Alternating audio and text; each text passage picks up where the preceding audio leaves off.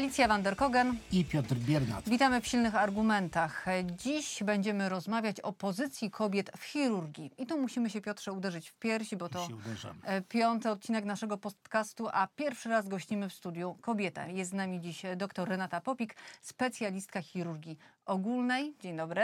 Dzień dobry, pani, Pani doktor powinna powiedzieć chirurżka? Jeśli o mnie chodzi, wystarczy specjalistka chirurgii ogólnej. Pani doktor, dokopałem się do takiej informacji, że 320 lat temu y, pierwsza Polka otrzymała dyplom lekarza chirurga. I pewnie nie było jej łatwo. Dzisiaj też pewnie po 300 latach nie jest łatwo zostać kobiecie lekarzem chirurgiem. Pan mówi o doktor Będzisławskiej Tak, zapewne. tak, No, to szczerze powiedziawszy chyba i było łatwiej niż nam, dlatego że ona e, praktykę odziedziczyła po mężu, Dopiero musiała czekać, aż Dokładnie. umrze. Tak. Natomiast e, ona otrzymała przywilej od Augusta II Mocnego, że może wykonywać zawód. A jak jest teraz? A teraz trzeba dostać się na studia, skończyć studia, dostać się na specjalizację, zdać egzamin specjalizacyjny i znaleźć miejsce pracy. I tu co za- jest w tym najtrudniejsze, pani doktor? O, chyba A- ten pierwszy krok, bo e, może nie jest tak, że kobiety są zniechęcane do medycyny, e, ale mm, wkraczają w tą drogę zawodową, zabiegową już trochę tak jak taki niechciany gość. Chociaż mnie zniechęcił fakt, że mm, nie przyjmowano kobiet na wydziały wojskowe. Ja chciałam zdawać na Wojskową Akademię Medyczną, a uczelnie wojskowe przyjmowały kobiety chyba od 99 albo 2000 roku dopiero. A nie myślała Pani o innej specjalizacji, może bardziej spokojnej, e, takiej bardziej kobiecej, niektórzy mówią? Nie, no trudno mi powiedzieć, jaka, jaka specjalizacja miałaby być kobiecą, ale Dermatologia, okulistyka. nie, nie myślałam. E, Zawsze mnie ciągnęło w kierunku specjalizacji zabiegowych, zawsze to miała być chirurgia ogólna. Gdybym miała wybierać drugi raz, wybrałabym dokładnie to samo. Pani doktor, kiedy wbiłem w internecie informacje kobieta chirurg, pokazały się dziesiątki, setki nawet różnego rodzaju e, skarg, informacji, e, opisów, właściwie dramatu kobiet w szpitalach. Czy to prawda, że tak jest źle? I prawda i nieprawda. Ja mówiąc na swoim przykładzie mam bardzo różne doświadczenia, natomiast sam początek specjalizacji to mogę mówić o ogromnym szczęściu, bo ja robiłam specjalizację w miejscu, którego już nie ma, u niesamowitych nauczycieli, którzy wychodzili z założenia, że jak to mówił pan profesor Zaniewski, ktoś jego na stare lata musi umieć leczyć i on musi wiedzieć, kto to jest i co on umie. Więc mi nigdy e, profesor nie blokował em, ani dostępu do stołu operacyjnego, ani wyjazdu na staże czy na kursy, natomiast już od no, pozostańmy przy tej nazwie kolegów e, w dyżurce, słyszało się różne rzeczy. Jakie Pani doktor? I to nie było kierowane tylko do kobiet, bo ja nie trafiłam jako pierwsza kobieta do zespołu. E, po co oni mają jeździć? Młodzi są od robienia papierów, będziecie operować jak będziecie specjalistami. No, różne. Czyli tak na dobrą sprawę miała Pani dużo szczęścia, że na początku trafiła Pani na człowieka, który mm, tą sztukę pokazał Pani w praktyce. e, pokazał i powiedział, bo mm, pamiętam, że kiedy mieliśmy taką imprezę pożegnalną, kiedy likwidowano nasz oddział, to, e, to ja gdzieś znalazłam takie chińskie przysłowie na temat właśnie uczenia tych młodszych pokoleń i e, on się idealnie w to chińskie przysłowie wpisał. To znaczy, że jak się coś komuś e, powie, to ten ktoś to bardzo szybko zapomni. Jak się coś komuś pokaże, to on może to zapamięta, ale dopiero jak mu się da zrobić, to on się tego nauczy. I to jest Pani doświadczenie. Tak. A jakie doświadczenia mają Pani koleżanki? Bo na pewno rozmawiałyście o tym. Pewnie, że tak. Bardzo różne. Blokowało im się dostęp do stołu operacyjnego. Odsyłało się je na izbę przyjęć, do poradni, do uzupełniania papierów.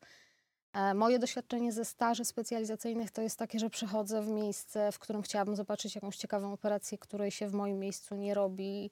E, I na przykład, nie wiem, otwiera mi się szafę albo wersalkę, proszę, tam jest stos historii chorób i proszę je wykończyć. E, Albo mając do wyboru specjalizanta, mężczyznę i kobietę, do stołu idzie mężczyzna. Ach, bo pani to taka dokładna, to pani tam szybko i dokładnie uzupełni e, dokumenty. Co Mhm. zarzucają młodym chirurgom em, ich koledzy, Kobietom chirurg. kobietom chirurgom? Że są za słabe, że są niedecyzyjne. To są zarzuty, które ja słyszałam, że mm, na pewno nie będę decyzyjna, e, że nie dam rady i fizycznie, e, i psychicznie. E, Że no w ogóle po co mi to, po co mi to było i no, no jak już się uparłem, to w zasadzie mogę sobie być chirurgiem w poradni. A słyszała pani doktor o tej śwince morskiej na korytarzach szpitalnych. Zastanawialiśmy się z Alą, czy o to zapytać. Znaczy, E, Ani czyli, że ani, ani, ani świnka, ani, ani chirurg. to jest też mało kreatywne, bo e, kobiety, które kończyły informatykę, też to słyszały, więc Powiem tutaj... szczerze, że idąc tym tokiem rozumowania, że kobieta chirurg to ani świnka, ani morska, no to w zasadzie można by wysnuć wniosek, że prawdziwy chirurg mężczyzna to musi być prawdziwa świnia. Oj, Dobrze. mocne, pani doktor.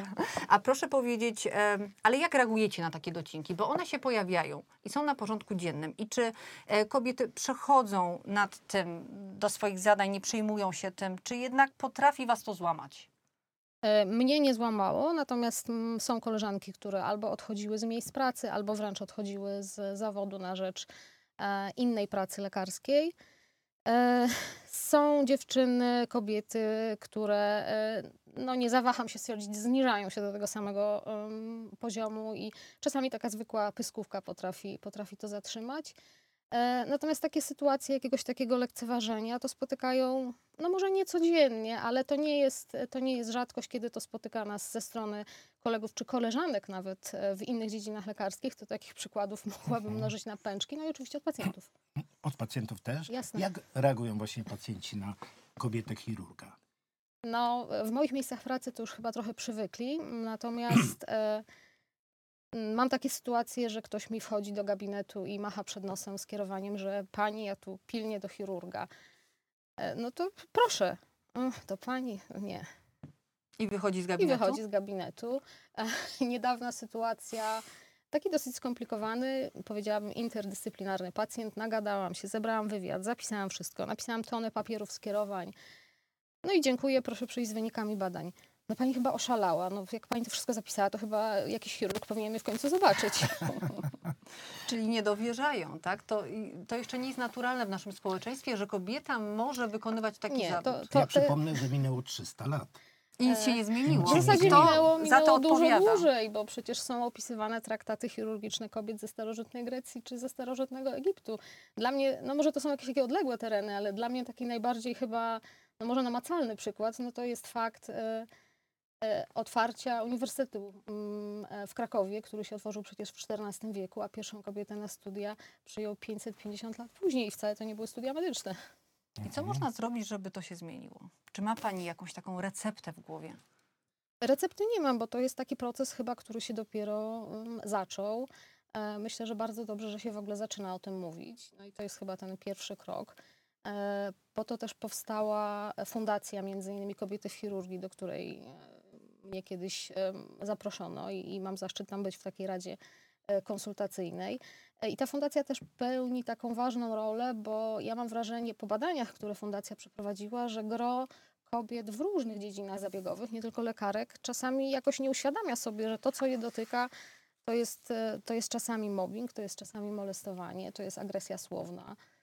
Także pani, dużo pracy przed nami wszystkimi. lekarze, mężczyźni, kiedy mówię im o tym, że e, fundacja opublikowała takie dramatyczne właściwie e, informacje, że aż 57% kobiet odczuwało w swojej praktyce e, molestowanie seksualne, to nie wierzą w to. Nie wierzą w te informacje, które fundacja promuje i którymi alarmuje. No, jestem w stanie to, to przyjąć do wiadomości. Myślę, że tak jest. Myślę, że może to nawet być więcej niż te 57%. Może nie każdy się do tego przyznaje, może też nie każdy ma świadomość, bo nam się jakoś tak to molestowanie seksualne zwykło kojarzyć, no nazwijmy to z e, rękoczynami, z jakimś czynem Mhm. fizycznym. Natomiast to, to może być e, taka też słowna przemoc ukierunkowana e, z jakimiś tam podtekstami. No jeżeli do dyżurki wchodzi, wchodzi no nie wiem, powiedzmy lekarz i, i zaczyna tekst tam cześć myszki, dziewczynki, kochanie, no to coś jest nie tak. No, to w, w gronie własnym możemy sobie jeszcze dyskutować. Natomiast jeżeli do takich sytuacji dochodzi w trakcie, nie wiem, obchodu lekarskiego, czy w trakcie pracy, gdzieś tam na jakimś forum, no, No tak, tylko jest to co pytanie, najmniej nie w porządku. pytanie, czy ten człowiek, który taki komunikat kieruje do pań, e, ma też informację zwrotną, że pani sobie tego nie życzycie. Oczywiście, ale w dużej mierze zdarza się, że to jest po prostu, no co ty żartujesz, albo jest zaraz odwołanie się, nie wiem, do mojego dzisiejszego poziomu hormonów.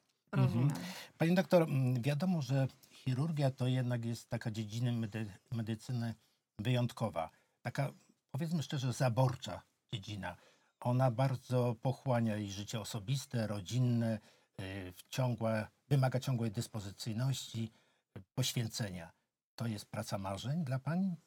To zawsze dla mnie była praca marzeń, przy czym ja bym e, tej zaborczości e, i takiego zagarniania życia e, osobistego na rzecz życia tego zawodowego bym nie ograniczała tylko do chirurgii. No, jak człowiek chce być w czymś dobry, chce się czegoś nauczyć i chce się w czymś wykazać, to on wcale nie musi zostać chirurgiem. No, dobry dermatolog pracujący w szpitalu też będzie dyżurował w nocy, też musi być na zawołanie tego e, pacjenta, e, no i też musi kupę czasu poświęcić, żeby się tego wszystkiego nauczyć, zdać egzamin, pracować, dokształcać się. Takie legendy o tym zawodzie?